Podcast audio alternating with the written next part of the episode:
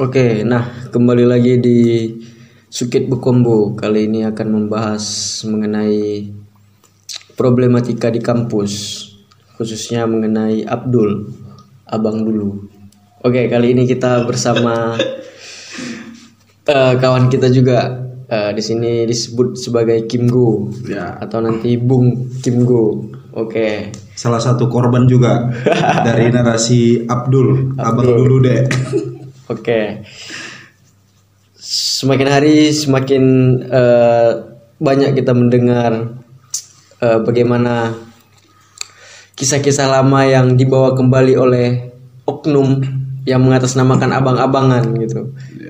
Eh, dia membawa bagaimana masa lalunya yang keras gitu. Kita nggak tahu mungkin masa lalunya dulu melawan Belanda gitu kan, masa masalah masa-masa kolonial gitu kita nggak tahu gitu. Nah, bagaimana pandangan eh, Bung Kim Go gitu mengenai Abdul ini?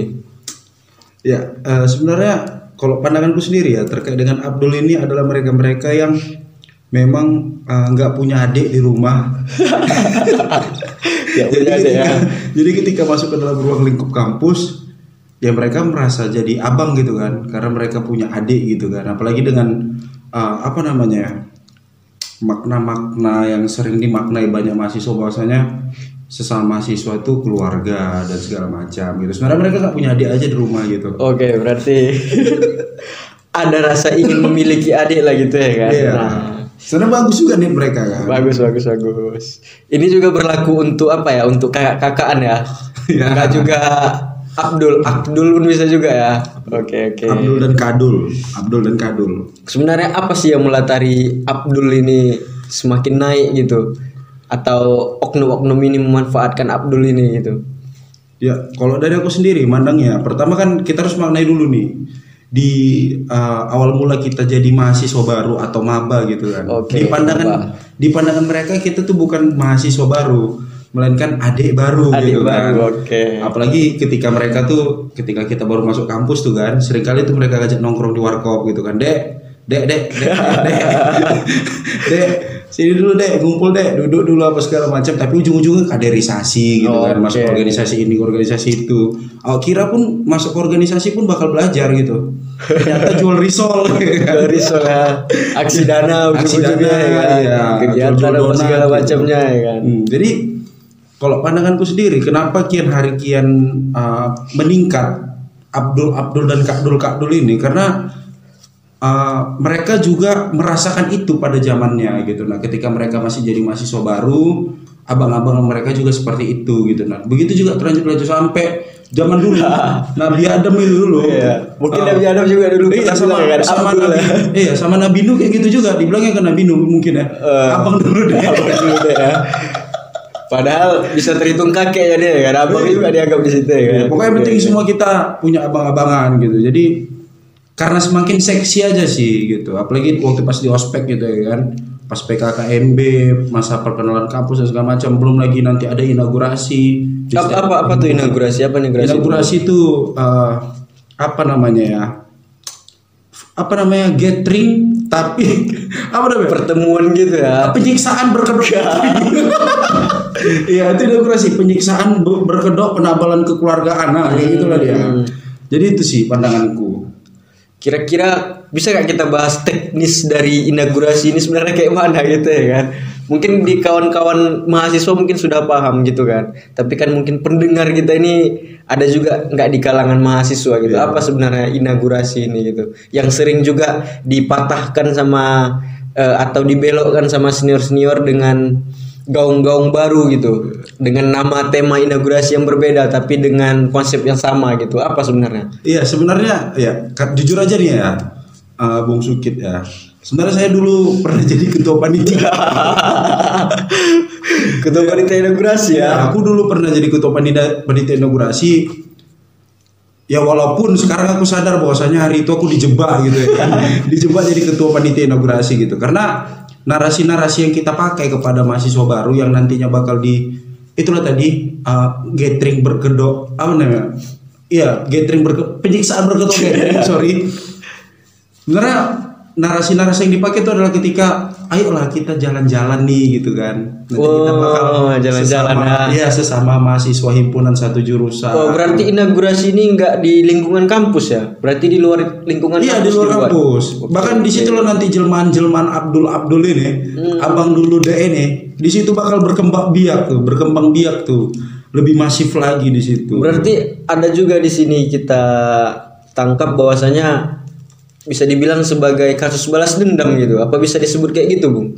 Bukan menurut aku ya, Hmm. satu sisi oke itu balas dendam gitu, tapi menurut aku lagi lebih lebih patron utamanya adalah bukan lebih ke balas dendamnya, tapi ingin menunjukkan bahwasanya abang lebih berkuasa daripada kau deh, kan gitu. Oh, gitu ya, Ah. gitu ya. Super power lah ya menunjukkan Iya. gitu ya. Ibarat katanya gini nih, mas- mahasiswa turun ke lapangan melawan penindasan, eh sampai kampus nindas adik-adikan. Oh, aduh, aduh. eh, sorry bukan nindas, tapi merangkul adik-adikan, Merangkul, merangkul. merangkul. Itulah namanya rangkulan apa penyiks apa namanya penindasan berkedok rangkulan Oke, gitu. oke, oke, oke. Apalagi malam-malam diajak nongkrong warkop kan. Oh, bisa rupanya mahasiswa-mahasiswa adik-adik Loh, itu itu. dibawa ya. Itulah kaderisasi berkedok nongkrong. Eh, nongkrong berkedok kaderisasi. eh, pokoknya balik-balik lah tuh. Balik-balik ya.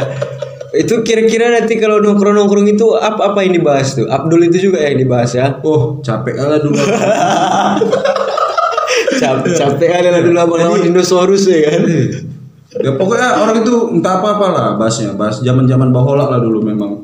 Bahkan ketika ada adik-adikannya yang memang nggak suka misalnya masuk ke organisasi A, pasti dia bilang abang dulu deh, samanya kayak kau deh. Nggak sukanya abang masuk organisasi, tapi ketika abang rasakan, di situlah baru abang merasakan yang namanya kemahasiswaan. Abang pun nggak tahu deh, katanya. Pokoknya gitu kayak gitulah sampai nanti sampai pernah nih satu ketika aku diajak nongkrong sama abang-abangan Hmm. diajak nongkrong mau pulang lah aku nih jam 11 ya kan udah ngantuk kali 11 Terus malam dia bilang, ya? eh jam 11 malam Dia bilang- aku bilang lah bang izin bang mau pulang balik ke kos loh ke mana ya Dinda? Katanya Eh, ya kan? Dinda. Dinda. Oh. ke mana ya Dinda? Iya bang udah ngantuk kali bang. Besok aku mau kuliah jam 8 ya kan? Terus dia bilang ya abang dulu Dinda. Jangan kayak kau kau kau ini kita mahasiswa tuh nggak nggak bisa tidur jam 11 kita tuh tidur tuh pagi jam 3 jam 4 dalam pikiran awak ya kan? Uh hebat kali abang ini.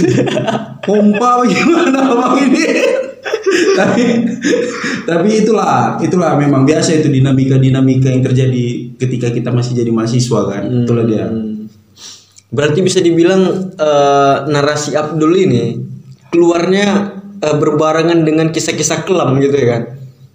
Iya bisa dibilang kisah kelam atau mereka ingin mengelamkan sebuah kisah Yo, mengalami Ah. sebuah kisah. bagi seseorang ya. Oke, Tapi bagi mereka itu udah merasa kayak, wah aku hidup di zaman Renaissance, Hmm. aku sudah memberikan cahaya kepada adik-adikku. Oke. Padahal enggak gitu kan. Mereka yang membawa ke zaman kegelapan bahkan zaman kegelapan Eropa Ah. lebih gelap lagi dari mereka buat ya. adik-adik itu gitu. Berarti kalau kalau kita bilang Abdul Abdul ini sebenarnya ada indikasi sadar dan tidak sadar dia mengucapkan itu ya, abang dulu gitu ya kan? Mereka sadar. Oh sadar ya? Mereka sadar. Mereka sadar ya? Ah, cuman kan gimana ya? Eh, ibarat kata gini nih. Ketika ikan lahir pecah telur dari Ah, mamahnya itu menetas lah gitu menetas ya. lah ikan itu kan langsung berenang. Hmm, mereka langsung sadar mereka bisa berenang. Ya itu itulah itu macam kayak mendarah daging, macam kayak apa? Basic organik. Wah, ah, nggak perlu eh, dipelajari ya? nggak nggak perlu kita bilang, abang sadar nggak bilang gini? Hmm. Dia sadar. Cuman memang itulah itulah basic organiknya gitu. Itulah basic organik menjadi senior di dalam ruang lingkup kampus kan. Apalagi ini kan banyak adik-adik nanti itu. Itulah. Berarti itu sifat-sifat organik ya, yang nggak dilatih deh kan? Langsung langsung ini ya, langsung pola pikirnya udah dapat. Ah, Oke, aku akan melakukan hal ini gitu ya. Sampai berkatanya nggak mungkin kita melatih manusia untuk bernapas. Iya iya iya betul betul Ah. betul. betul. Menjadi senioritas, eh menjadi Abdul. Disebut, kok disebut? Aduh, kalau disebut menjadi Abdul. menjadi Abdul ataupun Kak Dul. Ibarat katanya kita macam kayak menyuruh mereka bernapas. Itu udah itulah kodrat dari Tuhan. bukan takdir, bukan ini itu kodrat namanya, kodrat. Berarti Abdul ini kodrat ya? Kodrat itu wajib itu. Aduh, aduh. Eh, berarti tadi kan ada yang namanya inaugurasi gitu, Hmm. Eh, di mana di situlah kita awal mengenal yang namanya Abdul. Atau mungkin kalau kawan-kawan yang eh, masa kuliahnya gitu nggak nggak merasakan yang namanya inaugurasi, ada juga namanya PMB gitu ya kan. PMB PKKMB Ah, sekarang. atau atau sekarang PKKMB lah gitu. Bagaimana pengenalan kampus gitu ya kan. Nah, nanti kan di situ pasti ada tuh abang-abangan yang mungkin merasa berprestasi atau yang paling sering itu merasa masa lalunya kelam gitu sebagai mahasiswa.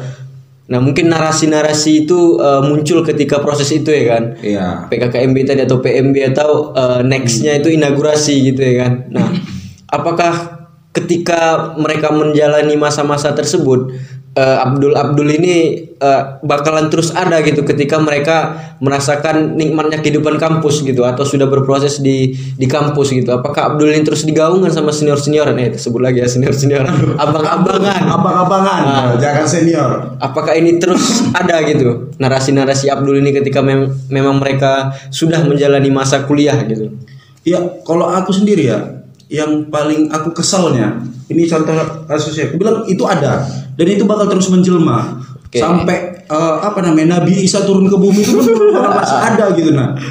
Jadi eh, Abdul Abdul ini ataupun Kak Dul Kak Dul ini bakal terus menjelma dengan contohnya apa gitu. Jadi ini kasus contohnya itu aku lah gitu kan. Ketika aku diajak dulu nongkrong aku nggak mau gitu. Terus dia bilang, kayak gitu lemah kali kok Dinda. Abang dulu deh, kalau disuruh abang-abangannya abang. Ini nggak apa-apa maksudnya. Abang-abang, abang-abangannya abang. abang-abangannya Abang-abangannya abang. Dalam pikiran aku eh kan, abang-abangan dia kan abang-abanganku juga ya kan. sama-sama abang-abangan Sama-sama ya. abang-abangan gitu kan. Abang-abangannya abang. Kalau dulu abang abang diajak abang-abangannya abang ini nongkrong, ya abang mau gitu. Nah karena abang tahu kita nih membahas tentang sosial, kepekaan sosial, bla bla bla bla. Tai kucing. Kenapa? Waktu, waktu pas nongkrong yang dibahasnya, kok mau nggak dek masuk ke organisasi ini? Wah. Pas masuk, bukannya belajar. Kayak tadi lah aku bilang, disuruh jual donat, disuruh jual jual risol itu keliling-keliling kayaknya itu keliling bahkan ketika berpikir berbeda aja dari dia agak sedikit apa gitu kan apalagi nih ya kayak tadi eh, Bung Sukit bilang bahwasanya banyak senior ah sorry banyak abang-abangan banyak abang-abangan yang Eh. eh, menjual prestasi dan segala macam ketika aku tanya nih prestasi abang apa sih ku pikir dalam pikiran aku ketika nongkrong itu kan dia selalu bicara tentang sosial dan segala macam. Ku pikir prestasi dia itu menjadi presiden gitu. ataupun dia pernah menyelamatkan kehidupan bangsa gitu kan. Ataupun dia berhasil eh, apa namanya? mengganyang gerakan-gerakan separatis di Indonesia gitu kan. Rupanya rupanya gitu kan. Rupanya prestasi dia menang lomba debat. Dan pikiran aku oh sekarang debat pun dilombakan ya ya, jadi jadi aku kayak debat abang ini prestasi lomba debat dalam hati aku udahlah mending abang ke lapo tua. Di situ debat aja sama tuang tuang lapo tua. Mereka tuh jago ya debat. Kayak Iya. gitu gak perlu dilombakan. Lebih realistis gitu hal yang Eh, didebatkannya iya. kan? Jadi kayak mana ya? Kalaupun mereka ingin mengajak adik-adikan hmm. ya setidaknya mereka mengeluarkan yang namanya kualitas mereka. Nggak perlu Iya. ditunjukkan dengan sertifikat segala macam. Kenapa kayak gitu? Karena aku secara pribadi pun aku bisa buat sertifikat itu sendiri terus datang adik-adikku bilang abang dulu deh ini sertifikat abang Tunjukkan sertifikatnya. padahal aku sendiri yang buat eh, Iya. tinggal minta ya tanda tangan sama pihak terkait gitu Ah. kan jadi ya makanya tadi aku bilang abang-abangan Abdul Abdul ini dari Abdul Abdul ini bakal terus menjelma bahkan ke sampai Ya'jun Ma'jun sudah berhasil menggali eh, apa menggali tembok besar itu. Iya, tembok besar itu di ya, penjara itu ya Majud telah menjelma di seluruh muka bumi dan Dajjal mengeluarkan fitnah-fitnah ya. Abdul Abdul dan Kadul Kadul ini merupakan tentara Dajjal itu. Iya, bisa bisa bisa. terus menjelma. Dan aku pun ya bisa bisa jadilah terus menjelma lah sampai seperti itu. Dan nggak menutup kemungkinan sebelum ada teori Big Bang itu ada.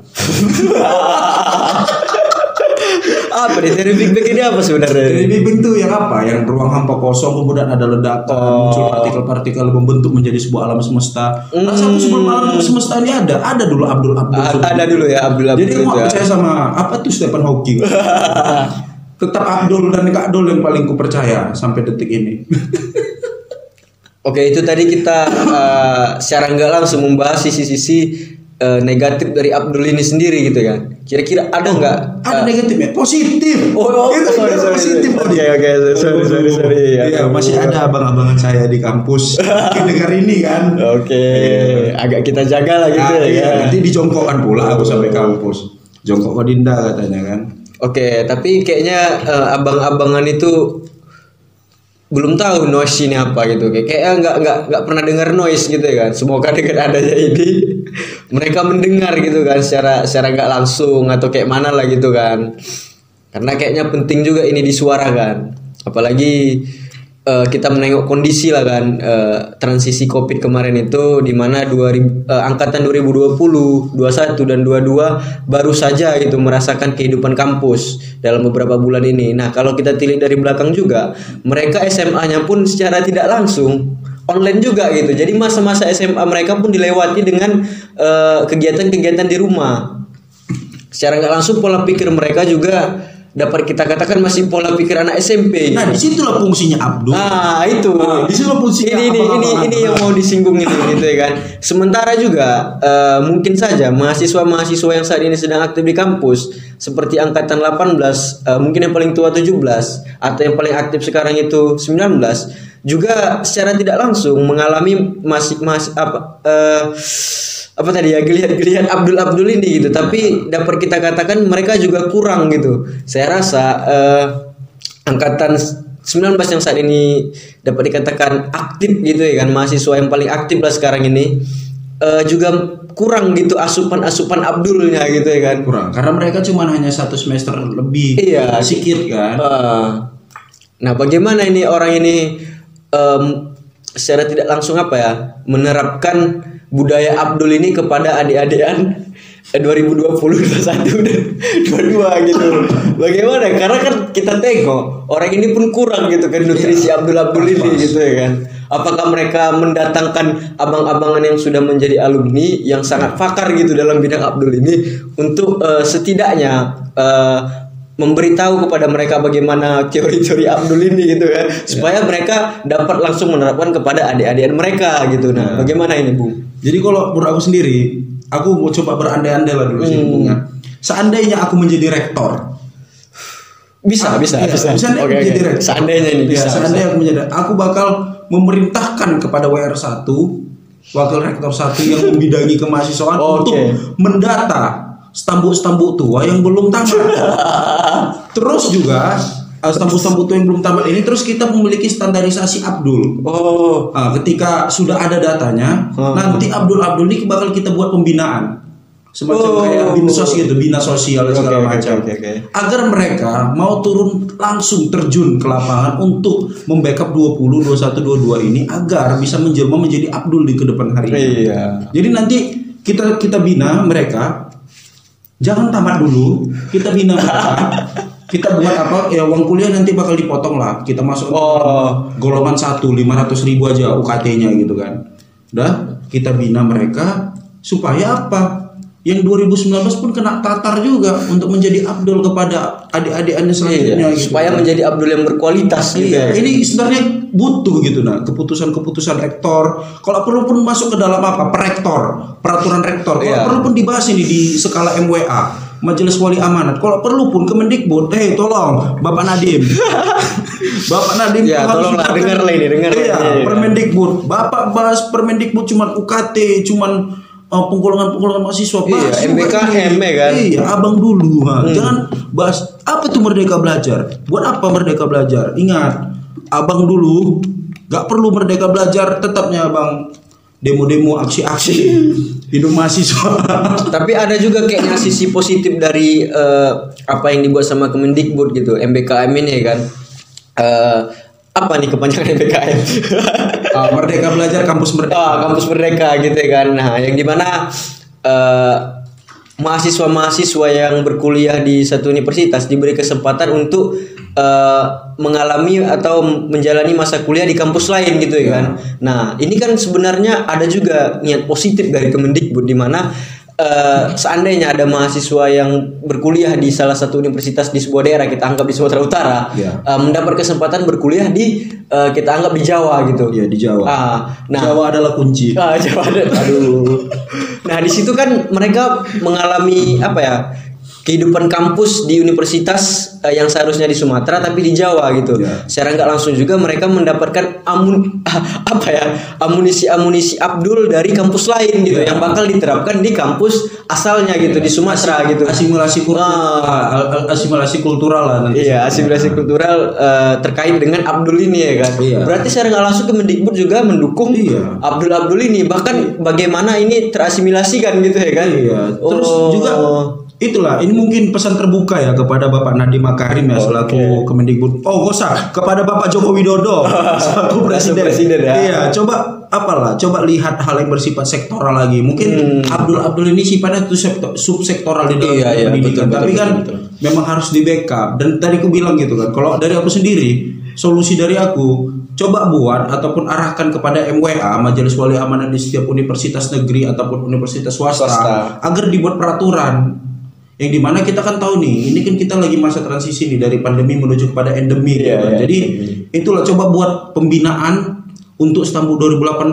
dan 2017 2016 dan ke bawah-bawahnya gitu nah kalau perlu pun panggil stambuk-stambuk 90 yang menggulingkan Soeharto Oh iya. Oh, sorry, yang menggulingkan presiden kedua. Iya, iya, presiden Iya, kedua. itu, itu di reformasi agar sekiranya memberikan pembinaan supaya Abdul Abdul dan Kak Dul Kak Dul ini terus terjalin gitu nah sampai sampai bila-bila gitu nah bahkan tadi ku bilang gitu kan sampai Nabi Isa turun ke bumi pun Iya, iya, iya, ya, iya, iya. pokoknya sampai sampai detik itulah gitu. Itulah saking urgensinya Abdul ini gitu. Ber- berarti bagaimana eh, Abdul ini dapat di apa nama istilah dibuat regulasinya gitu ya kan? Oh iya. agar tertata gitu ya kan? Ya, ini surat terbuka juga untuk apa ya Bu Puan Maharani ya selaku DPR RI ya? Buat itulah itu di komisi berapa tuh lu ya di Komisi komisi, tiga nggak sih? Eh, pokoknya di komisi Ah, di terkait lah. ya, itu harus diparipurnakan itu. Iya, nggak iya. mau tahu tuh. Itulah suara dari aku tuh sebagai masyarakat kan. Iya, biar jangan ada apa ya bisa dikatakan Abdul Abdul yang ilegal gitu ya kan. Iya. Kalau dapat Abdul Abdul ini dibuat regulasinya gitu. Agar bagaimana eh, mahasiswa-mahasiswa yang tadinya dalam masa transisi gitu ya kan. Hmm. Yang kurang gitu asupan Abdul ya. eh, bagaimana memang mereka mendapatkan eh, amunisi-amunisi itu dan dapat diterapkan kepada adik-adikannya gitu. Tolonglah gitu kepada pemerintah gitu ya kan. sebenarnya ini juga bisa men- apa namanya ya kalau menurut aku ya Abdul Abdul ini bisa menunjang perekonomian negara sebenarnya Wah, dari sektor mana itu? UMKM pastinya. Oke, Kan oke, aku bilang, UMKM. maksudnya tiap malam abang-abangan ini selalu Oh. ajak nongkrong ke warkop. Itu kan satu sisi kan membangun perekonomian negara gitu kan. Secara nggak langsung itu penerapan dari sifat-sifat Abdul ini ya kan? Iya, Hmm. jadi jadi jangan anggap sepele gitu nah. Oke, Bahkan oke. kayak penunjang ekonomi negara pun dari Abdul Abdul ini pun bisa juga gitu. Iya, Baik iya, lah iya. nongkrong dia sampai pagi, apa dia nggak mesan? Pasti mesan. Pasti gitu mesan. Ya walaupun cuma sekedar teh manis dingin. Teh manis dingin sama es kosong nanti ya kan kelanjutannya nanti kalau udah pesan es ini nanti lanjut es kosong. Tapi es tapi biasa kalau abang-abangan itu kalau ngajak duduk adik-adik disuruh pesan, kalau ada kalau habis cemilan disuruh pesan lagi. oh gitu. disuruh pesan lagi. Ya biasanya gitu. itu ya. kan eh, biar mandiri juga kan, biar tahu gimana Iya. gimana mekanisme memesan gitu ya kan. Oke oke terus oke. beli rokok. Oh boleh, mahasiswa boleh merokok bunga? Eh boleh, boleh. Bahkan satu keharusan itu. Ah. Sebagai mahasiswa yang berorganisasi bergerak merokok itu seharu, harus itu sih. Ah. Selain selain untuk membantu apa namanya ya, membantu kita dari kegabutan, itu membantu kita berpikir juga. Kata abang-abanganku ya, Ah. ya kata abang-abanganku merokok itu bisa membantu kita merelaksasikan Iya, kita. iya, Padahal iya, untuk iya. keren-kerenan ya. Eh, enggak, enggak Bung. Kalau dari eh, dari aku sendiri gitu Bung ya kan. Eh, pernah kenal lah atau sama kawan juga lah gitu, kawan temen lah gitu kita bilang ya kan. Eh, dulu ketika menjadi mahasiswa dapat dia ini memang eh, anak baik-baik, nggak merokok, bahkan katanya dari seumur hidupnya belum pernah merasakan rokok gitu. Nah, ketika menjadi mahasiswa dan aktif di per- di dunia Abdul Abdul ini, sekarang dia eh, menjadi orang yang prokok, terus kritis, peduli terhadap eh, bagaimana perkembangan perkembangan negara gitu ya kan. Nah, akan tetapi oleh teman-temannya atau oleh kawan-kawannya dia disebut eh, sebagai apa ya? mahasiswa yang sok keren gitu, merokok. Mulai dari nanti eh, uang yang seharusnya ini kan kita berbicara sebagai inilah mahasiswa eh, kos-kosan lah gitu ya kan yang ngekos, perantauan lah gitu, mendapat kiriman dari orang tua. Nah, kiriman yang seharusnya di- dibelikan entah makan, eh, kebutuhan iya, lah Iya, atau untuk menunjang eh, kuliahnya lah beli buku dan segala macamnya gitu. Tapi setelah kenal eh, dunia Abdul ini, diperkenalkanlah dengan dunia rokok, terus eh, diskusi-diskusi yang yang yang pernah saya ikuti lah gitu. Nggak pernah ada diskusi yang eh, nggak ada sistem CK-nya gitu. Nah, memang nggak itu Cek ini kolektif uang lah gitu ya iya. beli beli konsumsi. Memang nggak memaksa gitu tapi ketika kita memang sudah merokok di dalam eh, lingkup diskusi tersebut eh, sangat jarang gitu mahasiswa itu nggak nggak CK gitu. Nah berarti ada beberapa penyelewengan eh, apa ya alokasi dari orang tua gitu ya Iya. yang yang seharusnya alokasi anggaran eh, untuk primernya gitu kebutuhan primernya tapi, tapi tapi kan bung kita nggak boleh satu langsung apa namanya negatif thinking langsung Oh, iya. bisa jadi kan itu udah memang dikalkulasikan orang tuanya segini untuk uang rokok muma nah Hmm. per bulan gitu kan kan bisa jadi gitu nah iya iya bisa jadi bisa, kan- jadi bisa jadi ya maksudku ini tadi saya kan bercerita tentang teman saya tadi gitu Oh. ya kan tapi kan bisa jadi orang tua Iya, juga bisa jadi Hmm. mengkalkulasi itu kan memanage itu semua agar anak-anaknya ini kebutuhan menjadi mahasiswanya itu ya seperti abang-abangannya juga Iya, karena iya, betul, betul, ya betul. jujur aja nih bung ketika kita masuk ke dalam ruang lingkup kampus standarisasi hebat atau tidaknya mahasiswa adalah sebagaimana kita mengikuti abang-abangan Hmm. kalau kita semakin menjauh dari abang-abangan oh kau tidak hebat oh tidak hebat ya Nah, itulah sisi positif dari abang-abangan. Jadi kita jangan terlalu men- ada ada men- tapi kan memang udah sisi positif semua kita bahas Oh, iya. Iya, Maksudnya ya mungkin kepada kawan-kawan pendengar ini kan menganggap bahwasanya apa namanya konotasi dari abang-abangan ini selalu bermakna negatif. Negatif, Jadi ya, kita negatif. berujungnya tuh stigma gitu dan, dan Iya, itu iya. nggak bagus gitu. Nah kita jangan seujon, jangan apa gitu kan. Ya mungkin kepada abang-abangan saya di kampus tolong. ini udah menjilat kali ini.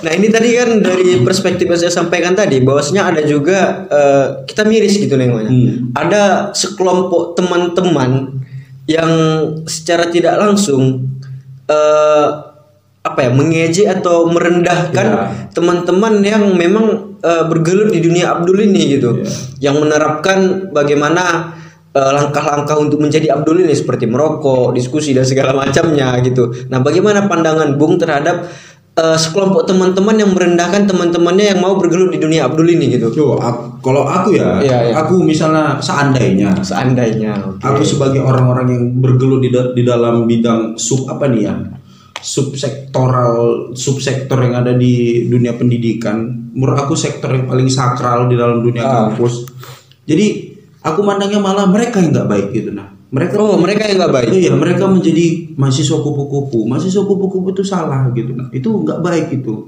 Mereka nggak mau diskusi sama abang-abang. Makanya tadi aku bilang ketika kita masuk ke dalam dunia kampus ada standarisasi Ah. ataupun harus ada kayak uh, nilai ataupun nilai-nilai ataupun moral-moral baik atau tidaknya mahasiswa di Iya, dalam iya, ruang kampus itu sebagaimana mereka mengikuti abang-abangan gitu nah kenapa? Karena ujung-ujungnya abang-abangan kita yang bakal bantu kita gitu kan Da- bantu dalam bentuk apa itu Bu kalau boleh tahu?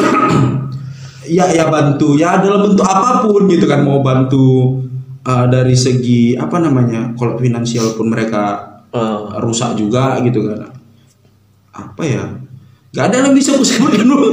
Iya, Ya, tapi juga ya. bantu gitu ya. Apa pun itulah bentuknya. Ah. Ya walaupun gak ada, bilang aja lah bantu we. Eh, ini ini nih Eh, ada juga kasus temen saya juga gitu kan kawan kawan saya juga gitu Eh, mungkin ini dapat juga kita golongkan sebagai bentuk bantuan abang-abang ini terhadap adik-adikannya gitu. Nah di mana saya punya temen nih eh cewek. Dulu dia memang apa ya di dibilang kalau orang-orang umum bilangnya anak baik lah gitu ya kan.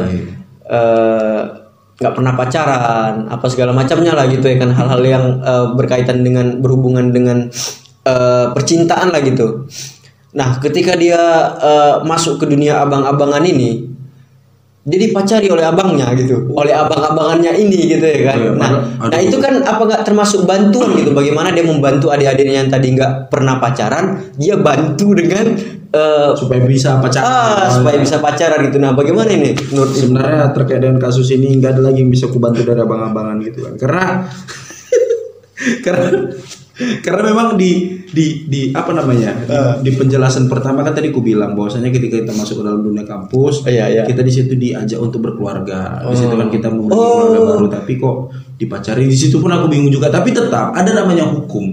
Hukum di tataran mahasiswa ketika ada mahasiswa baru apalagi cantik nih ha Ya, ya, kita kita katakanlah Iya. cantik gitu. Misalnya kita di satu stambuk sama kawan kita yang cantik itu kita pun mahasiswa baru posisinya. Iya, iya. Kita nggak boleh dulu memacari kawan kita ini ataupun Itu peraturan nggak tertulis atau gimana? itu tidak tertulis sebenarnya tertulis di sebuah prasasti yang cukup besar. Oh, Cuman prasasti itu masih memang uh, Belum ketika dijumpai atau kayak mana? ketika zaman kegelapan dulu terkubur gitu. Oh, ketika zaman renaissance uh, pokoknya udah, udah Tapi alhamdulillahnya abang-abang ini ingat. mengingat gitu nah, dan itu diteruskan kepada kita. Jadi Oke, oke, oke. aturan itu uh, menyadarkan ataupun menamparkan kepada kita bahwasanya kita selama mahasiswa baru itu tidak boleh pacaran. Kenapa? Karena itu jatahnya abang-abangan. Oke, itu jatahnya Eh, kita abang-abangan. langsung- Ingat ya, itu jatahnya abang-abangan. Iya, jadi sebenarnya ini kasus-kasus yang seperti ini sering kali kita jumpai Iya, gitu iya. kan. Mulai apa namanya ketika ada mahasiswa baru, wih cantik nih cantik nih minta WA-nya, minta Oh. WA-nya. Tapi Oh mungkin kalau di zaman abang-abangannya dulu nggak WA ya? BBM Ah, BBM, terus juga kalau kita tilik lagi dari eh, belakangnya mungkin SMS, bahkan mungkin surat menyurat, Menyurat. atau mungkin zaman zaman zaman bawahnya lagi mungkin pakai telepati ya. Waktu pas zaman perundagian itu zaman perundagian ya. Iya, zaman perundagian itu ya batu-batu lah, Iya, batu iya, tulisan-tulisan. Zaman waktu pas kita mulai bercocok tanam, Iya. kita mulai mengirimkan padi-padi. Itu ya tergantung sikon lah, sikon, situasi dan situasi juga kondisi kondisi. ya. Oke, tergantung itu semuanya itu. Oke oke oke. Menarik memang ya, menarik kalau udah membahas eh, dunia perabdulan ini ya kan. Oh, capek lah kita bahasnya. Eh, itu kayak pernah dengar juga aku gitu. Apa tuh bang? Itu itu salah satu kalimat wajib dari abang-abangan. Selain abang Oh. dulu deh, itu lo juga oh capek lah kita bahasnya. Oh. Nah, itu, itu juga merupakan kamus besar. Ada namanya kamus besar abang-abangan. Oh, kamu KBA. KBA ya. Kamus besar Oke. abang-abangan yang memang kita sebagai sebagai adik-adik Iya iya. Pertama aturan paling pertama kita tidak boleh membantah abang-abangan. Oh. nggak boleh kita membantah gitu nah karena ketika kita membantah ya sama aja gitu kita merusak standar moralitas yang ada di kampus Oh. jadi satu sisi ya kita penjahat sosial kalau kita membantah abang-abangan Itu aku pernah juga dengar itu Bung. Eh, di mana poin pertama abang-abangan tidak pernah salah. iya pasal Oh, pertama itu kayak mana tuh? Kayak mana tuh? Ah, pasal pertama senior eh abang-abangan Ah, abang-abangan. tidak pernah salah pasal kedua Ah. jika lau abang-abangan salah balik ke pasal pertama Hmm. itu ya itu dulu itu di prasasti yang sama juga sih Tapi setahu ada tiga ada tiga pasal itu bung. Yang pertama abang-abangan tidak pernah salah. Apalagi ya pasal keduanya itu kayak pa- pasal ketiganya baru eh, kalau abang-abangan salah kembali ke pasal satu gitu. Apa ya pasal pasal duanya itu? Aku aku perlu lupa bung karena Iya. aku pasal pasalnya cuma dua tapi Cuma memang dalam penerapannya memang dua Iya. pasal ini memang yang dipegang Iya. memang. Sebenarnya sebenarnya pasal ini aturan ini uh, pernah dibuat dulu waktu pas zaman zaman nomaden dulu kita. Oh, zaman apa lah ya, masih nomaden, berpindah-pindah masih, ya. Masih berburu sama dinosaurus dinosaurus itu ada kongres namanya. Kongres apa? Oh kalau kalau gitu kita tarik lah kan. Eh, berarti untuk tahun sekarang itu udah kongres keberapa gitu bung?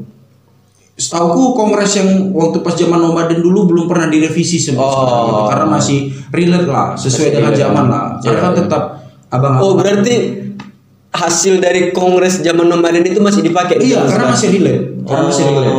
Itulah bentuk kesempurnaan dari abang-abangan. Iya iya iya. iya. Karena kalau tidak sempurna, ya bukan abang-abangan namanya. Itu ya kita sebagai mahasiswa baru, ya kok kita cuman kita yang salah, abang-abangan nggak pernah salah. Iya iya. Pasal tadi ya. Pasal tadi Iya, itu. iya. Itu salah satu pasal yang disusun ketika zaman nomaden. Zaman nomaden dulu. Ah. Waktu pas itu ketika itu ingat aku tuh ada satu abang-abangan, dia per- Hmm. dia dia pokoknya salah satu ras dari Homo neanderthal loh. Oh dia menjadi ini ya primus inter pares dia. Iya Primus Inter Pares. Oh. Dia terlambat gara-gara kemarin tuh dia uh, baru siap memburu babi. baru siap membuka. Ya teknis ya biasa Iya, biasa itu teknis. Iya, ya. iya. Kalau kata abang-abang tuh teknis itu. Gimana gimana gimana?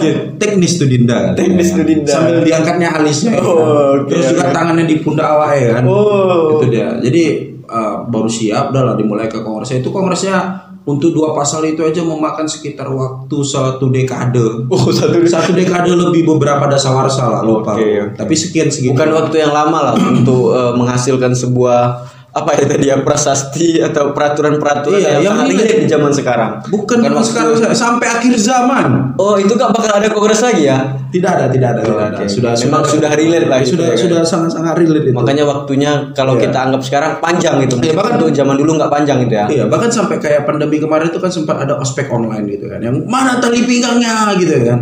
Ada rupanya bu. Eh, bahkan sampai kita pandemi aja itu masih relate gitu peraturannya gitu. Hmm. Sampai nggak pakai tali pinggang pun kena marah gitu sama kakak-kakaan itu kan. Tapi kalau kalau kita eh, tilik kronologis ya gitu ya kan, bisa saja kan eh, mahasiswa baru yang kita anggap di sini dalam tanda kutip ya kan, tidak mengindahkan perkataan dari abang-abang itu karena kan dari jarak aja mereka udah jauh gitu. Iya. Terus apa yang membuat mereka begitu patuh ketika abang-abangan ini eh, menegur lah kita bilang ya kan karena kan udah baik itu apa yang dilakukan gitu.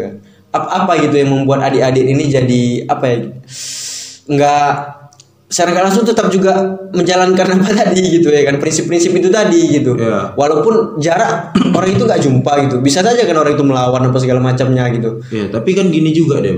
Hmm, apa tuh? Eh, abang-abangan ini sama kayak kecoa. Sama kayak kecoa ya. Kalau Bung pernah ke sarang kecoa, Ah. satu kecoa yang Bung serang, semua kecoa pasti bakal nyerang.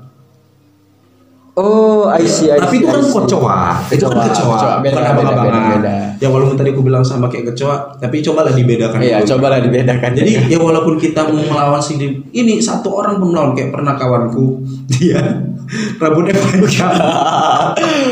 Iya dia rambutnya Ya, panjang. oke, dia bilang, kok rambutku panjang, kok belum pakai apa segala macam. Terus kawanku jawab, emangnya ketika rambut kita pendek, apakah itu menunjang iya, iya. kualitas pendidikan Iya, kita? iya, betul, betul, betul.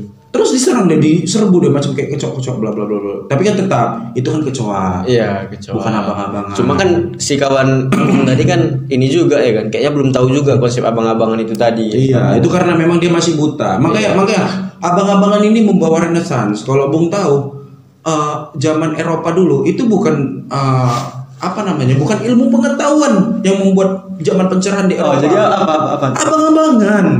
Tetap ya memang Oh, abang-abangan. iya, abang-abangan. Berarti secara tidak langsung pengaruh abang-abangan ini eh, apa ya? Kit?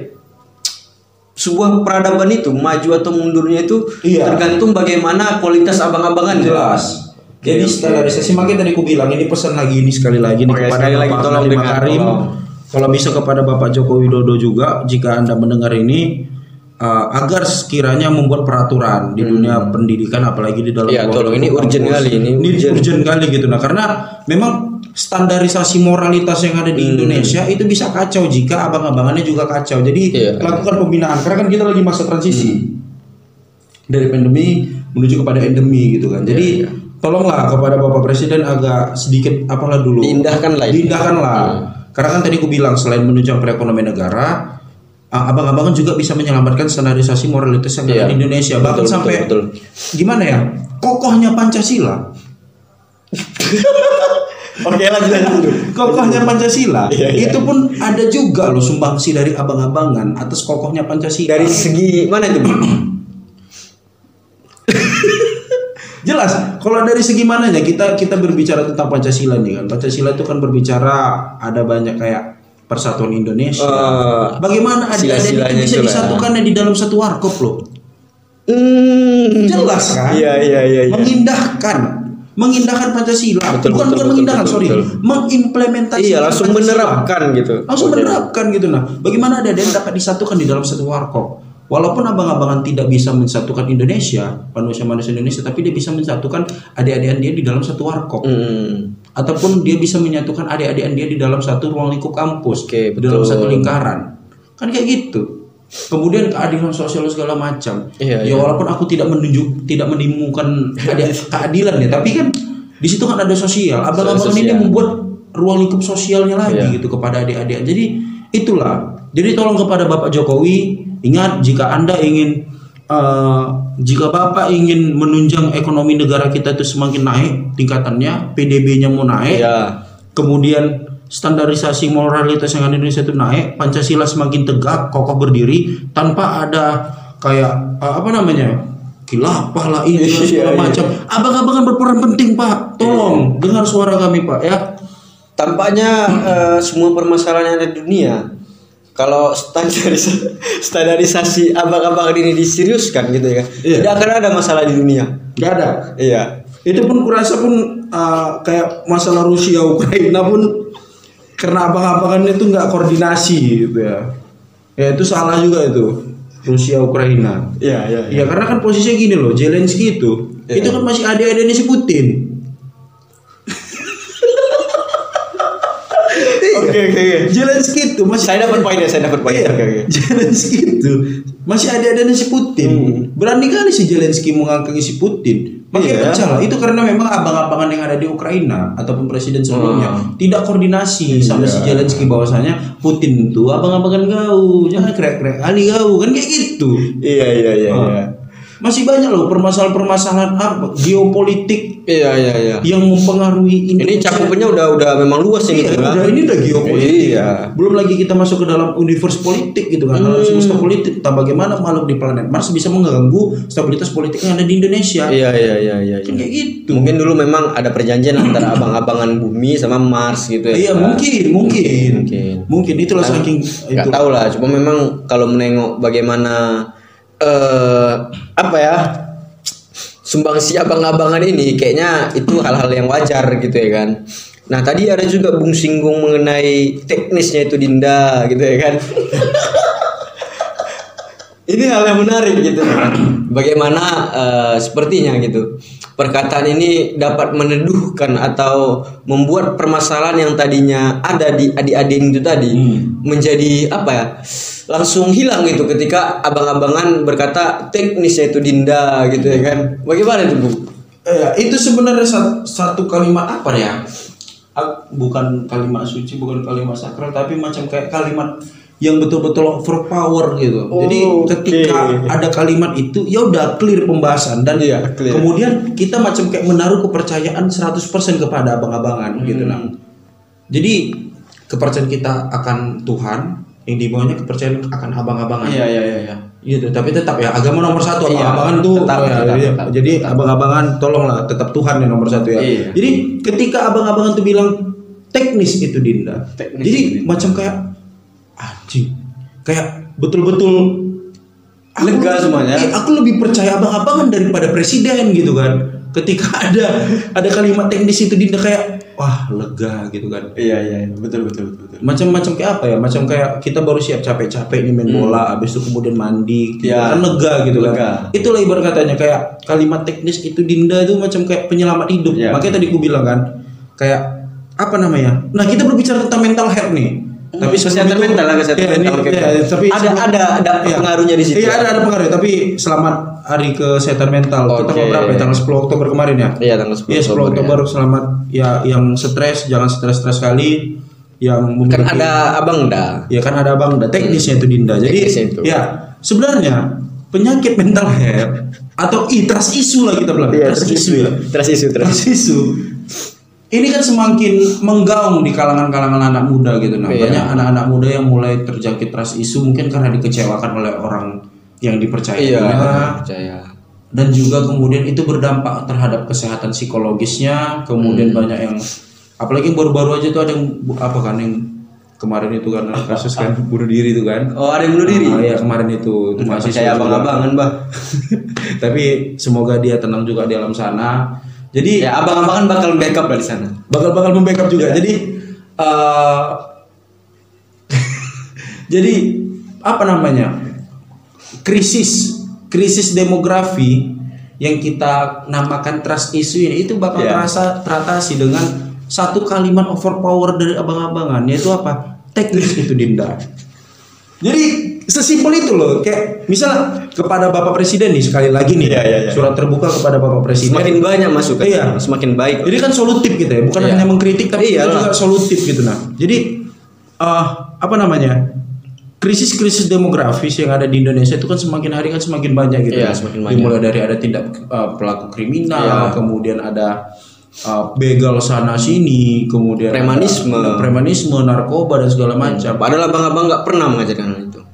Ingat Pak, krisis demografi itu dan salah satunya adalah trust isu di Hmm. uh, ruang lingkup sosial setiap individunya itu bisa teratasi dengan Ketika- satu kalimat yaitu apa teknis itu Dinda Teknis itu dia. mungkin Bapak Presiden juga harus bisa apa namanya menggaungkan narasi-narasi itu Iya. biar untuk masyarakat Indonesia pun semakin tentram ataupun nyaman untuk berada di Indonesia gitu nah gitu Berarti ada memang mantra-mantra lah gitu atau Banyak. perkataan-perkataan dari abang-abangan yang dapat menenangkan, meneduhkan hati dinda-dinda itu ya kan.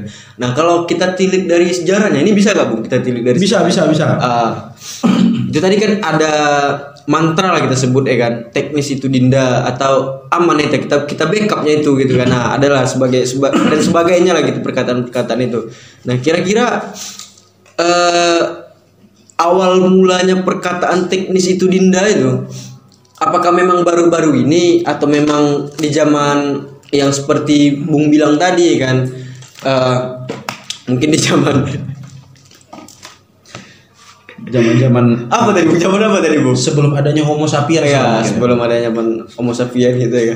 Apakah kata-kata teknis itu Dinda memang apa ya, udah digaungkan gitu, atau udah dikenal atau mungkin ada bahasa lainnya? Ya, sebenarnya gini terkait dengan bahasa itu ada bahasa ataupun mantra-mantra dari abang-abangan yang memang sebenarnya menjadi jawaban di atas apa namanya permasalahan-permasalahan isu-isu sosial seperti kayak abang dulu deh karena gini loh cita-cita. Orang-orang orang-orang kan pasti berbicara tentang cita-cita. Kemudian ketika dia berbicara tentang cita-cita dia harus tahu dulu kenyamanan dia.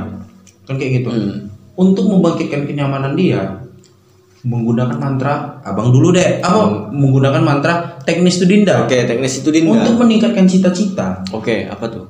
abang dulu deh. Abang Artinya dulu deh. Ketika dia ketika abang-abang tuh bilang abang dulu deh otomatis kan kayak berbinar jujur aja nih aku berbinar dulu mataku ketika Hmm. abang-abangan aku ini menjelas Ini memang kayak apa ya? Real ya, memang Real, merasakan real, lah, real, merasakan. real. Oke, Bung Dibilang. Bung Kim Gu merasakan hal tersebut, teman-teman. abang dulu deh abang dulu demo-demo abang Hmm. katanya demo-demo uh, menumbangkan suatu rezim Iya, iya. reformasi bla bla bla berbinar-binar mataku di situ karena jadi muncul cita-cita dalam diri aku wah Hmm. aku pengen seperti abang ini kemudian tapi satu sisi pun aku nggak bisa mendorong cita-cita itu menjadi wujud, terwujudkan jika kenyamananku terganggu Hmm. kemudian di di backup Dia sama harus abang- dibarengi lah. iya di backup lah sama abang-abangan Oke, oke, oke. teknis tuh Dinda. Jadi oh aku merasa nyaman dan nyaman. sehingga aku fokus sama cita-citaku Iya, untuk menjadi seperti abang itu. Iya, betul betul betul. Jadi itulah kayak pengaruh abang-abangan tuh sangat luar biasa dari zaman ke zaman gitu loh. Iya, eh, masalah ini juga ya kan. eh, pernah lah eh, aku dapat sebuah ini ya tulisan apa nggak tahu lah itu entah, entah dari mana dapatnya gitu ya kan. Eh, yang di mana pada zaman tahun berapa ya aku aku lupa. Tapi ketika eh, raja apa namanya raja Nicholas atau apalah itu ya kan eh, berdiskusi dengan Rasputin mengenai ini kan.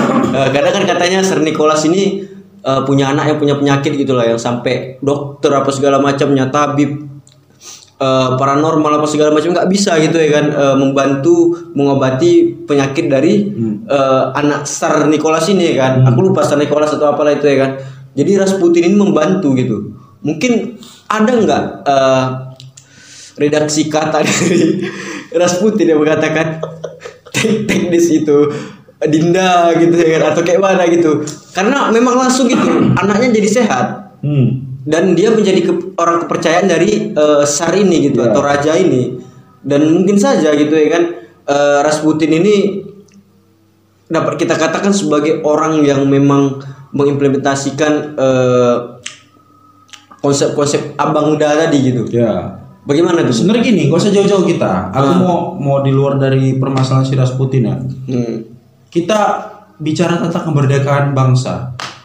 antara golongan muda dan golongan tua. Iya iya iya iya. Kenapa saat itu golongan muda menculik Soekarno yang memang notabene golongan tua untuk memproklamasikan? Kenapa nggak golongan muda yang memproklamasikan negara? Kenapa? Itu pentingnya abang-abangan. Tata krama gitu ya. Tata berbicara tata krama. Hmm. Kita orang Indonesia, kita sopan sama terutama- Tapi apakah sopan eh, menculik abangda-abangda tersebut? Kenapa? Karena abang abangda abangda itu kan sempat menolak. Karena terlalu gegabah kita untuk mem- Oh. Iya, memproklamasikan iya. segera apa segala macam. Berarti abangda ini memang punya pemikiran Iya. yang matang. Tapi gitu. kalau misalnya adik-adikannya tadi memang alah abang-abangan ini nggak betul, mereka kan bisa memproklamasikan sendiri. Kenapa harus menculik suara? Hmm. Iya, betul, betul, betul, betul. Karena memang su- itulah peran abang-abangan. Iya iya. Bahkan untuk memerdekakan bangsa pun kita butuh abang-abangan loh. Iyalah. Jangan salah, jangan salah sangka di situ. Makanya ketika ada kalimat abang dulu deh, bayangkan ya, Ah. Presiden Insinyur Soekarno cerita dulu, cerita dia sama Soeharto ya kan. Ah. Toh, abang dulu. Akrab lah nih kan kan akrab lah ya. kan. Abang dulu deh katanya. Dibilang nggak, dia pokoknya deh ini dia adik-adik kan dari Soeharto kan. Iya. Abang dulu deh, abang proklamasi ada negara ini katanya ya kan. Hmm. Terus dibilang Su- Soeharto, tapi kan bang dari golongan kami juga, golongan muda juga yang nyuruh abang. Iya, tapi kan tetap abang dulu deh yang memproklamasikan. Hmm. Itu aja saking pentingnya peran abang-abangan gitu. Jadi Iya iya iya. kemudian teknis studinda kayak misalnya gini nih, golongan muda terlalu takut untuk memproklamasikan. Jadi Oh. kata Soekarno, teknis studinda katanya kan. Aman lah merasa aman, lah kaum kaum aman, muda ini aman. kan golongan muda ini. Iya, langsung aja provokasikan. Udah provokasikan. Udah clear. Sekarang kita berbangsa bertanah air 70 77 tahun ya, 77 tahun ya. Tapi ini ya kita berbicara juga tentang Abang Da ini kan. Eh yang di mana ketika itu memang Soekarno dengan super powernya lah menjadi presiden gitu kan dipercaya menjadi presiden dan atas sebagai wakilnya gitu. Tapi ada juga ketidaksopanan dari Soekarno gitu. Bagaimana dia meletakkan Agus Salim yang lebih tua yang seharusnya menjadi abang danya menja- menjadi eh, apa ya menteri luar negeri kalau nggak salah ya Iya. Agus Salim. Nah ini kan suatu apa ya eh kemerosotan moral gitu kan dari Adinda meletakkan abangdanya di posisi lebih rendah dari eh, Adinda tersebut itu. Ya. Bagaimana itu, Bung? Udah next pembahasan lanjutnya. Agak serem ya mungkin. Ya, agak serem. mau saya bahas ya karena itu agak sedikit uh, gimana gitu ya. Oke, oke, oke, oke, tapi oke. tapi kalau mungkin aku mengambil kesimpulan mungkin kita tahu bahwasanya Haji Agus Salim kan uh, seorang diplomat, Iya, seorang iya, diplomat iya. yang Iya, betul-betul betul, handal sehingga Haji Agus Salim juga dikirimkan bers- bersama kayak Sultan Syahir dan kawan-kawannya untuk apa namanya? Mengawal adik-adik ini berarti. Iya, jadi Haji Agus Salim itu dia mengawal adik-adikan ketika di PBB kemarin itu untuk mengokohkan ataupun secara de facto ataupun secara Adanya jure negara ini ya. adanya negara Indonesia. Negara jadi Indonesia tujuan uh, Bung Karno itu untuk apa namanya mendelegasikan Haji Agus Salim Iya, apalagi sebagai Menteri Luar Negeri hanya untuk itu Iya. membackup adik-adikan lah di PBB. Jadi macam kayak betul-betul itulah tadi merangkul. Ah, merangkul dia. Iya, iya. Merangkul adik-adikan. Ya, saya dapat poin akhirnya gitu kan. Eh dia abang-abangan itu merangkul lah. Iya, iya. Jadi kepada kawan-kawan yang masih menjadi mahasiswa baru ya bi- apa ya dengari aja lah apa kata abang-abangan Iya. ya kan. Kayak misalnya lah gitu kan entah ada abang-abangan yang ngulang gitu di kelas Curhat bukan? Enggak gitu kan. Ini kan ada beberapa kejadian lah gitu dari teman-teman kita juga, abang-abangan kita juga. Bagaimana dia tidak mendapatkan akses ketika memang eh, yang seharusnya ada kelas mengulang gitu. Tidak ada pemberitahuan dari adik-adikan gitu. Bahwasanya kelas ini ngulang dan jadwalnya itu hari apa, jam jam berapa gitu. Nah, diharapkanlah kepada adinda-adinda ini untuk apa ya? Lebih proaktif gitu ya kan lebih masif gitu kepada abang abangan-abangan yang eh, secara tidak langsung tadi kita anggaplah sebagai baiknya dia sebenarnya. Dia bisa bisa saja tidak mengulang. Cuma mungkin karena dia mau membackup adik-adikannya gitu kan biar lebih terarah gitu mata kuliahnya dan segala macamnya gitu. Ya intinya intinya mungkin kepada kawan-kawan sekalian jika eh, abang-abangan banyak cakap ya bilang aja gini matoa teh lalat. Hmm. oke oke agak agak ini bu ya agak curhat kita ya oke oke gak apa-apa gak apa-apa oke kira-kira ada lagi mau kita bahas mengenai abangda dan adinda kita ini Oh, kalau kita bahas Bung, kurasa uh, sampai capek lah Bung kita bahasnya Sampai gitu ya. capek kan. lah ya. Mungkin kawan-kawan pun udah capek juga dengar kita ya kan. Iya, iya, iya. Hampir satu jam juga kita berbicara ya kan. bisa bisa juga nanti kawan-kawan eh, kalau memang mau berdiskusi lebih lanjut lah gitu Iya. kan. Dan nanti kalau memang tertarik dengan pembahasan-pembahasan seperti ini gitu ya kan, pantengin terus lah di noise gitu ya kan, sukit bekombu karena bakalan banyak pembahasan-pembahasan seperti ini.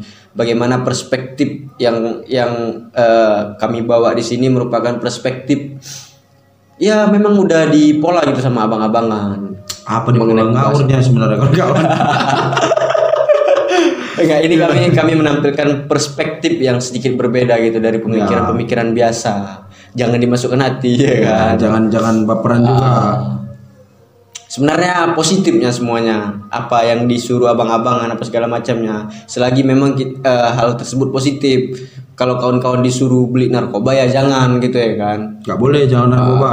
Kecici. Jangan berjudi juga. Hmm, nggak baik ya minimal ya kalau dulu dulu gitu ya baca beberapa surah lah gitu ya kan kalau Islam Ya. ya kalau kalau non Muslim ya Kalau apalah kalau Kristen ya, ya, silakan. baca-baca Alkitab pun bisa juga. Iya.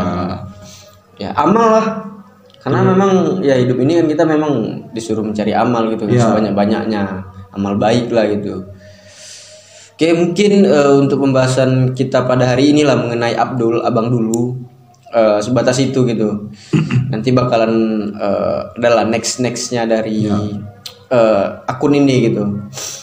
Oke mungkin itu saja. Eh, lebih dan kurang kami mohon maaf. Tolong jangan dianggap serius